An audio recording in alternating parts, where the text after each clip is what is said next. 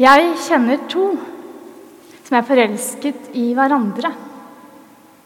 Men de vet ikke om hverandres følelser. De sier til meg begge to Jeg holder ikke ut å kunne bli ledd av hvis jeg forteller om mine følelser.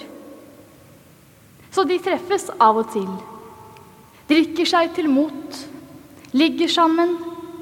Neste morgen går de hver til sitt og tror den andre ikke bryr seg. Og så går det uker uten at jeg hører noen ting, før vi tilfeldigvis møtes igjen. Men har du latt høre fra deg da? spør jeg. Nei, nei, jeg vil ikke mase. Midt i det mest intime blir to mennesker ensomme fordi de ikke klarer å stole på hverandre. Man skulle tro at det er unødvendig, men det er ganske vanlig, for å søke vennskap og kjærlighet er tross alt å våge å være sårbar. Det starter allerede i barnehagen med fireåringen som kommer hjem og sier om en annen gutt. Det hadde vært fint å være bestevennen hans. Og jeg sier kanskje han også har lyst til at dere skal være bestevenner. Jeg vet ikke. Men så var det denne mannen i Lukas-teksten som hadde to sønner. Den yngste var rastløs. Han ba om sin del av arven og dro. Langt, langt hjemmefra brukte han opp alle pengene og endte opp som en angrende grisepasser. Samtidig satt faren hjemme og kunne ikke glemme ham. Rykter om yngstesønnen hadde åpenbart nådd fram til familien, og man kunne tro at faren var blitt rasende. Storebroren var iallfall det. Men da yngstemann bestemte seg for å vende hjem, full av anger og med bøyd hode, sto faren klar med åpne armer. Han hadde vært redd sønnen skulle være borte for alltid. Like redd hadde sønnen vært for at forholdet til faren var ødelagt for alltid. De var redde begge to.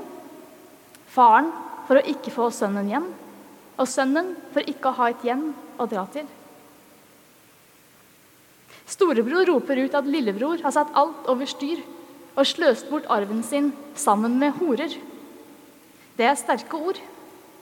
Jeg tror storebroren må ha hatt de følelsene i seg lenge. Helt fra dagen lillebror dro og lot han være alene igjen med ansvaret for familien og gården. Han har tenkt på broren sin, ikke med savn, men med bebreidelse. Tenk at han bare dro.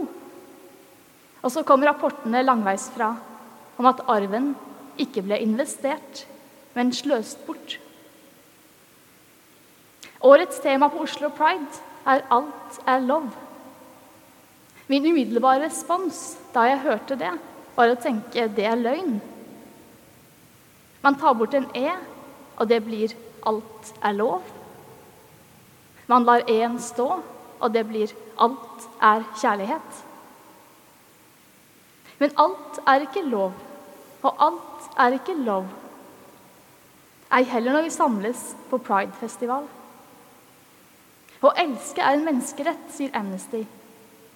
Mange ting som ikke er lov, burde vært lov, og dette står skeive midt oppi.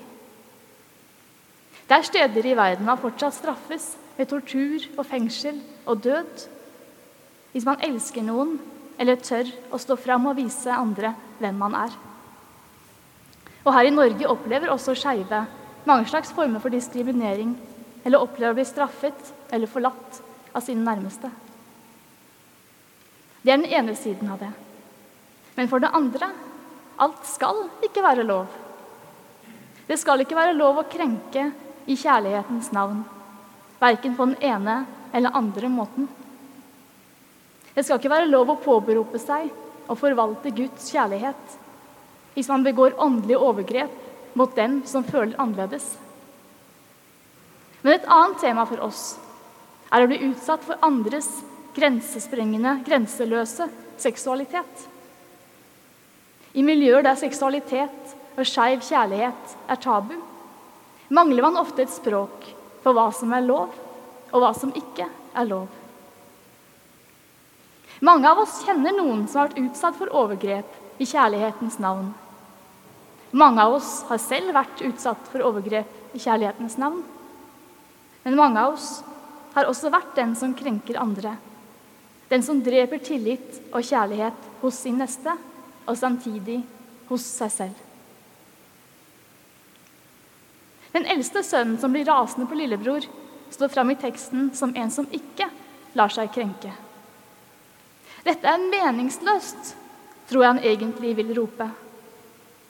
Det er ikke forbudt å være dum. Det er ikke forbudt å bli fattig og hjemløs. Men det storebrorens anklage egentlig fokuserer på, er dette at lillebror har sløst bort pengene sine sammen med horer, sammen med kjøpte venner. Han brukte opp pengene på noen som ikke ga ham noe igjen. Noen som ikke tilbød kjærlighet eller vennskap, men som forlot ham så fort pengene tok slutt. Storebroren argumenterer. 'Jeg har ikke engang fått et kje for å holde fest med vennene mine.' Han har lykkes i å ha folk rundt seg som ikke bare bryr seg om penger, men som holder sammen fordi de er glad i hverandre. Derfor har han aldri bedt faren om noe kje, for han trengte jo ikke det. Etter å ha lagt merke til den detaljen i teksten synes jeg fortellingen om den yngste sønnen er ekstra trist. Han går virkelig hjemover med ingenting, annet enn skammen og ensomheten. Han har et hjem å gå mot, men arven er tapt for alltid. Skam og ensomhet får oss til å gjøre dumme ting. Det får oss til å skade oss selv og til å skade hverandre. Det får oss til å gjøre ting som ikke burde vært lov, og det er så langt fra lov som man kan komme. Men du oppdager ikke kjærligheten før du våger å tro på at den fins. Jeg tenker mye på de to jeg kjenner som er forelsket i hverandre. Hvor langt vil det gå før en av dem tør å vise sine følelser til den andre? Eller vil dette, som kan bli varig og vakkert, langsomt brenne ut til minner om noe som begge tror at ikke var viktig? Kjærligheten har en fiende i tvilen. Tvilen på at du er god nok. Tvilen på at du er verdt å elske. I denne lignelsen som Jesus fortalte, lærer vi ofte at poenget er at faren er et bilde på Gud. Hvem er så denne guden? Det er en gud som stoler på oss, og som gråter når vi ikke viste oss tilliten verdig. Det er en gud som prøver å holde oss sammen og geleide oss inn i fellesskapet der vi hører hjemme. I møtet mellom faren og yngstesønnen er det ingen uttalt tilgivelse. Det er bare kjærlighet. For faren ser at alt sønnen trenger, er nettopp dette. En god klem og et sted å høre til. Han spurte ikke, han svarte ikke. Han kastet seg om halsen på ham og kysset ham. Uroen han hadde båret på så lenge, ble nå snudd til stolthet og glede. Det var først rumling i magen som fikk yngstemann til å starte på den lange veien hjem. Men så møtte han der i tillegg det han hadde savnet, og det han på hjemveien trodde at han ikke fortjente. I vår redsel for ensomhet kan vi risikere å gjøre oss selv mer ensomme enn nødvendig. La oss se på storebroren. Han ville ikke gå inn på festen. Han spiller seg selv ut på sidelinja igjen. Fortelleren Lukas lar det henge i luften om storebroren til slutt tar imot invitasjonen eller ikke. Det avslutter med at faren ber den eldste om å bli med inn til de andre på festen. Jeg vet ikke hva han valgte til slutt.